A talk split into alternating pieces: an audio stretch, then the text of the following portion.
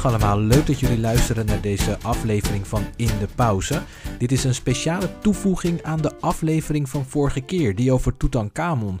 Want toen we klaar waren met de aflevering, bedachten wij, Piet en ik, in ene dat we het er helemaal niet over gehad hebben dat er de laatste tien jaar ongeveer ook veel nieuws is over het graf van Tutankhamon. Vanuit de vorige aflevering weet je dat in 1922 Howard Carter, de Britse archeoloog, het graf van Tutankhamon ontdekte. Dus je zou denken dat in die 100 jaar die we nu voorbij zijn er niet zoveel nieuws meer te ontdekken valt of te vertellen valt over dit graf. Ieder jaar gaan er nou misschien wel uh, meer dan een miljoen mensen door dat graf. Ik ben zelf ook door dat graf gegaan. Maar blijkbaar zijn er toch mensen die dingen kunnen ontdekken of de hoop hebben dingen te kunnen ontdekken waar wij allemaal nog niet aan gedacht hebben. Er is namelijk sinds 2015 een, een Britse onderzoeker, die heet Reeves.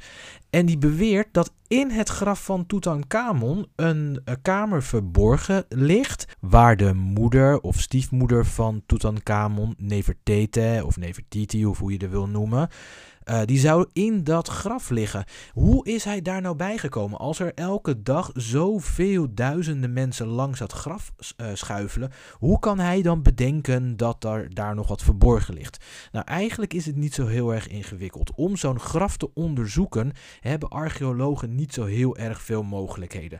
Het graf is eh, ingehakt in de bergen. Uh, dat betekent dus eigenlijk dat uh, voor het ontdekken van nieuwe kamers zou je muren moeten doorhakken. Of je moet de hele berg afgraven. Nou, dat kan niet. Uh, daar, daar, hebben ze geen mogelijkheid voor. Dus wat ze wel doen, is bijvoorbeeld met een soort echotechniek kijken of ze achter de muur een holle ruimte kunnen vinden. Ze kunnen niet door de muur heen boren. Als je een keer in dat graf geweest bent, dan snap je waarom. Omdat er overal schilderingen op de muren zitten. En die schilderingen zijn zo bijzonder en hebben zo'n hoge waarde. Het is natuurlijk ook al gewoon duizenden jaren oud. Daar kun je niet met een of andere boorhamer doorheen gaan rammen. Uh, dan blijft er echt niets over. Dus je zal het op een andere manier moeten oplossen. Dus hebben ze die echotechniek gebruikt. En die uh, wetenschappers die kwamen er op die manier dus achter dat het echode en dat er dus wel een ruimte achter moest zijn. Nou, als er een ruimte achter verborgen is, uh, een kamer achter verborgen is, dan moet daar wel ook een belangrijk persoon liggen. Nou, dan kun je hem eigenlijk wel al een beetje invullen. Want Nefertiti, Nefertiti daar hebben we die, die, de, de, eh, de mummie niet van gevonden. Dus ze moet het wel zijn. Ze moet daar wel liggen. Ja, dat is wel heel gemakkelijk gedacht. Hè? Je moet dan wel bewijzen hebben.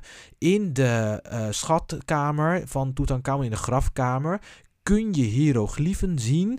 En als je dat vertaalt en als je de tekeningen vertaalt, zou je kunnen bedenken dat er gewezen wordt naar het graf van, van, van de moeder van Tutankhamon.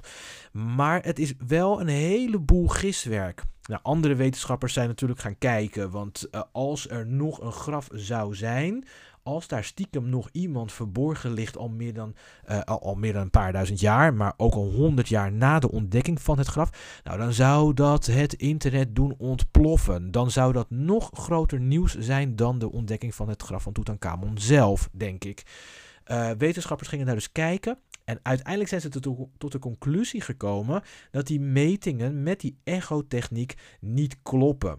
Um, er is iets weerkaatst en de wetenschappers hebben dat toen geïnterpreteerd van oh, er moet dan wel dus een holle ruimte zijn als het weerkaatst.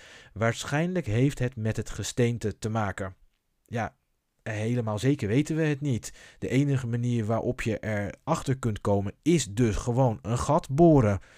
Zolang dat niet gedaan wordt, zullen we het nooit zeker weten.